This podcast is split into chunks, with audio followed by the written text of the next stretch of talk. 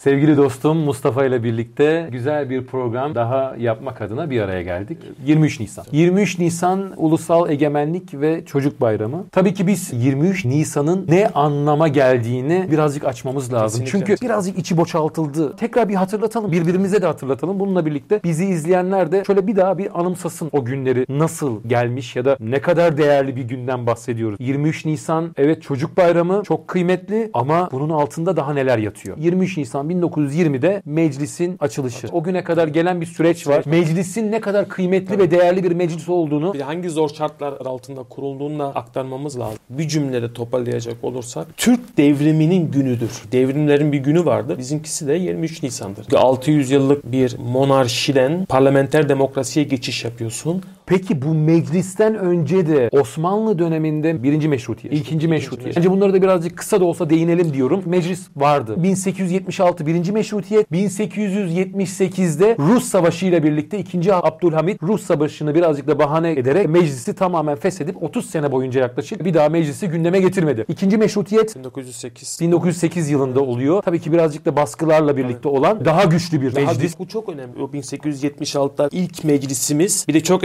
enteresandır. Aslında tarihe baktığın zaman Avrupa'daki demokrasilerle zamanlama açısından yarışıyoruz. Avrupa'nın bazı ülkelerinde meclis dahi yok. Ve biz burada 1876'da ilk deneyimlerimizi yapıyoruz. Almanya ile karşılaştırdığımız zaman Almanya'da biliyorsun 1848. Yani Doğru. aslında yarışıyoruz. Ama aynı Almanya'da olduğu gibi Türkiye'de de uzun vadeli yaşayamıyor birinci meşrutiyet. O da çok doğal. O günün şartlarına Doğru. göre. 30 yıl sonra ikinci meşrutiyet meclisimizi kuruyoruz. Bu kez o meclisimiz 1876'da kurulan ilk meclisten daha güçlü. Yine de bazı eksiklikler var. Ne gibi eksiklikler var? Farkı ne? Saltanat ve hilafet kalkmış değil. Monarşi duruyor. Meclis saltanatın altında İngiltere modeli gibi düşünmemiz lazım. Daha yeterli bir güce sahip değil. 23 Nisan 1920'de kurulan meclis kendisinden önceki meclislerden de ders çıkararak o aşamalara geliyor. Neden söylüyoruz bunu biz? Gökten zembille inmedi meclis. Ön tarihi var. Türklerin bir demokrasi geçmişi var. Meclisimizi kurduğumuzdan bir ay önceye kadar İstanbul'da meclisi mebusan var. İstanbul'da da bir meclisimiz var ama Teslim olmuş bir İstanbul'dan Tabii, bahsediyoruz bu arada. İstanbul tamamen Tabii ki. teslim olmuş. İşgal altında. İşgal altında. Yani meclis de işgal altında. İngilizler meclisimizi işgal etmekle kalmıyor. Milletvekillerimizi Malta'ya sürgüne gönderiyor. Birisi biliyorsun e, rahmetli Rauf Orbay'dır. Orbay evet. Ve ne yapıyor? Asıl,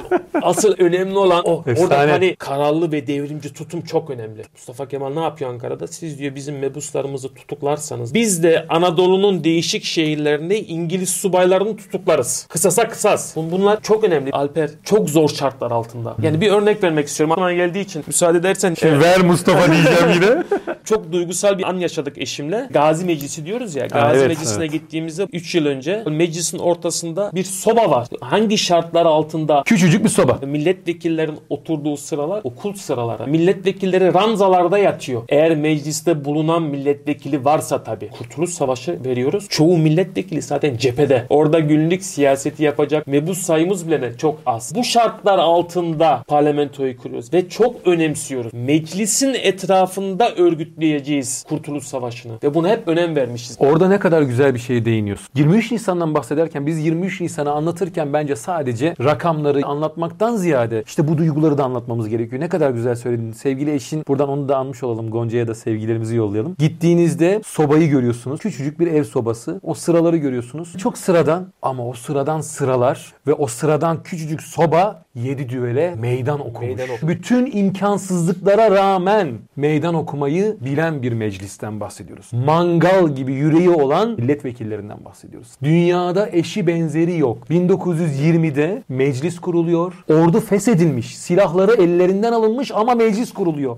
Çünkü neden? Sineyi halka dönüp halkla bir bütün olmak isteyen bir önder var başımızda. Ve bununla birlikte birbirinden değerli mebuslar, milletvekillerimiz. Hatta ne kadar güzel söyledin. Milletvekilleri cephede savaşıyor. O küçücük Aslında- soba o kadar çok şey anlatıyor ki bize. O Evet, küçücük o soba. sembolümüz o bizim. Hangi şartlar altında o meclisin kurulduğu. Biraz da bugünün vicdanlı siyasetçilere lafımız yok tabi de e, hangi şartlar altında zamanında mecliste çalışıldığında zaman zaman hatırlarına getirmeleri lazım. Yani bu iş saraylarda olmuyor. Sınıfla da olmuyor. Yani şimdi şu an ne oldu milletvekilliği? Biraz günlük siyasete gireceğiz ama yeni bir sınıf yarattılar. Milletvekili olmak sınıf atlamak. Neden? Maaşı yüksek. Bazı özellikleri var ama o günün şartları şartlarında milletvekili olmak farklı bir şey. Bir de kelle koltukta. Bir de İstanbul'dan Ankara'ya gitmek bugünün şartlarında kolay olabilir ama o gün İstanbul işgal altında Olay. kaçak deniz yoluyla zor şartlarda Ankara'ya gidiliyor. Özellikle Halide Edip'le Adnan adı var. Eşiyle Hmm. beraber İstanbul'dan Ankara'ya gidiş sahneleri bu konuda okumalarını söyler. Gerçekten bir macera. Evet. Ama bir iman var. Bu zor şartlar altında o güzelim meclisi kuruyorlar. Bir de bu arada meclis kurulurken ülke tamamen işgal altında. Yunan İzmir'e daha çıkalı bir sene olmamış. Güneyde Fransızlar, İtalyanlar var. Karadeniz bölgesinde Pontus problemleri yaşıyoruz. E doğuda Ermeni problemlerimiz var. Ülkenin dört bir yanı bu da yetmezmiş gibi. Meclisimizin açıldığı zaman ordu yok. Ordu dağıtılmış. Her şeye rağmen, bütün zorluklara rağmen, bütün milletin desteğiyle topyekün bir mücadele, kurtuluş başlatmak istiyor. Senin verdiğin örnek bile ne kadar bir demokrat olduğunun da göstergesidir. Bu zorlukları bildiği halde meclisi topluyor, yönünü milletine çeviriyor. Biz bu Kurtuluş Savaşı'nı milletimizle beraber ancak kazanabiliriz. Millet olmadan Kurtuluş Savaşı zor kazanılır. O Gazi Meclis'in her üyesi başımızın tacıdır. O meclis yürütmüştür Kurtuluş Savaşı'nı ve başarıya kazanıp götürmüştür. Evet çok zor şartlar. Bu şartlar yetmezmiş gibi bir de hani dışarıdaki düşmanlardan bahsediyoruz. İçerideki düşmanlardan. İçerideki hainlerden de bahsetmemiz lazım ki bunları bilmezsek önümüzü göremeyiz. Zaten bunları iyi irdelemediğimiz, iyi anlatamadığımız, toplum olarak pek üzerinde durmadığımız için bugün bazı sorunlar ya da kafa karışıklıkları yaşıyoruz. İçerideki hainliklerden bahsederken aslında bu çok acı bir durum. Ki İstanbul biliyorsun işgal altında. Padişah Vahdettin İstanbul'da İngilizlerin kontrol altında. İngilizler İstanbul'da Mustafa Kemal'in olmasından rahatsızlık duymaya başlamışlardı. İstanbul'dan Mustafa Kemal'i uzaklaştırmak ve Vahdettin de niçin yolladı? O çok önemli. Çok Çünkü önemli. Anadolu'da işgale karşı başlayan Bastır. isyanları bastırmak için gönderildi Anadolu'ya Vahdettin tarafından. Bugün argüman olarak kullandıkları sanki Vahdettin tarafından Anadolu'ya hani işgale karşı isyanları büyütülmesi için gönderilmiş gibi lanse ediyorlar. Bu anlatacaklarımız da bunun ne kadar saçma olduğunu da anlayacağız. Meclisimizin açılışından sadece 5 gün önce bir ordu kuruluyor. Paralı bir ordu. Hilafet ordusu. Bu ordu İngilizlerin kendi kaynaklarından ödeyerek kurduğu Tabii, tabii. bir ordudur. Peki bu ordu niçin kuruluyor? Kuvayi Milliye tarafındaki olan bütün örgütleşmeyi yok etmek için kuruluyor.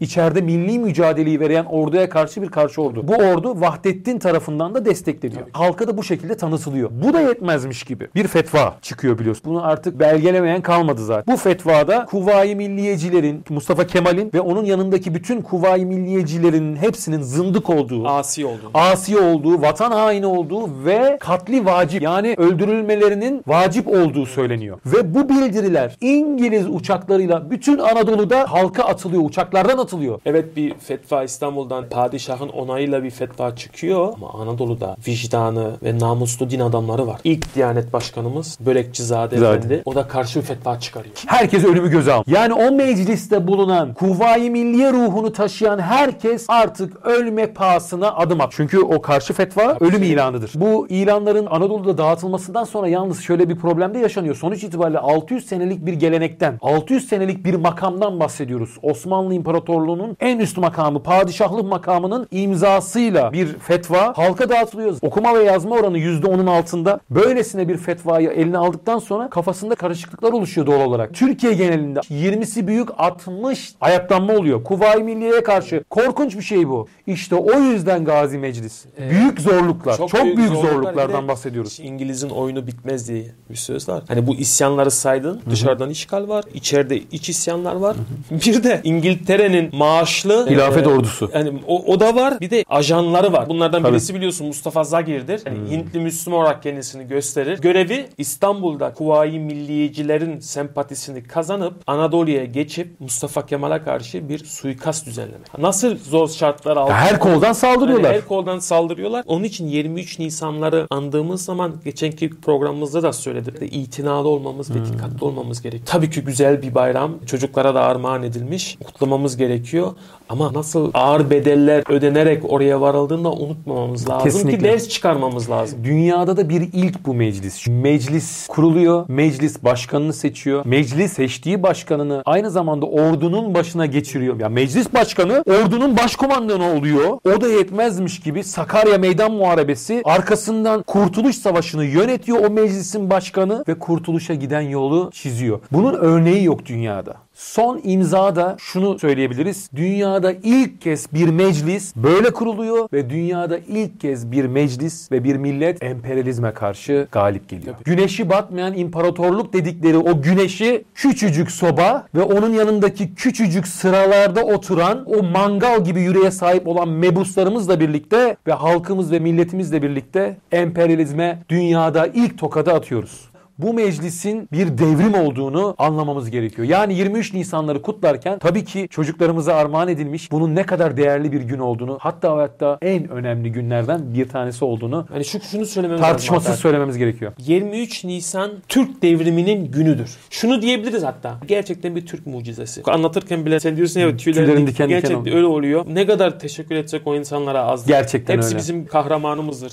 Bugünü umarız dilimiz döndüğünce anlatabilmişizdir. Mutlaka eksiklerimiz Tabii. vardır. Bunu tartışmıyoruz bile. Mutlaka her Türk yurttaşın bir gün yolu Ankara'ya düşmeli. Kesin. O ilk meclisi ziyaret etmeli. O küçük sobayı görmeli. Ve aynı zamanda çok da güzel bir şey yapılmış. Bu kadar önemli. Senin de söylediğin gibi bir Türk devrimi, bir milat olan günü mirasçımız olan çocuklarımıza armağan etmişler. Ulusal egemenliğimiz ve aynı zamanda çocuklarımızın bayramı olarak ilan edilmiş.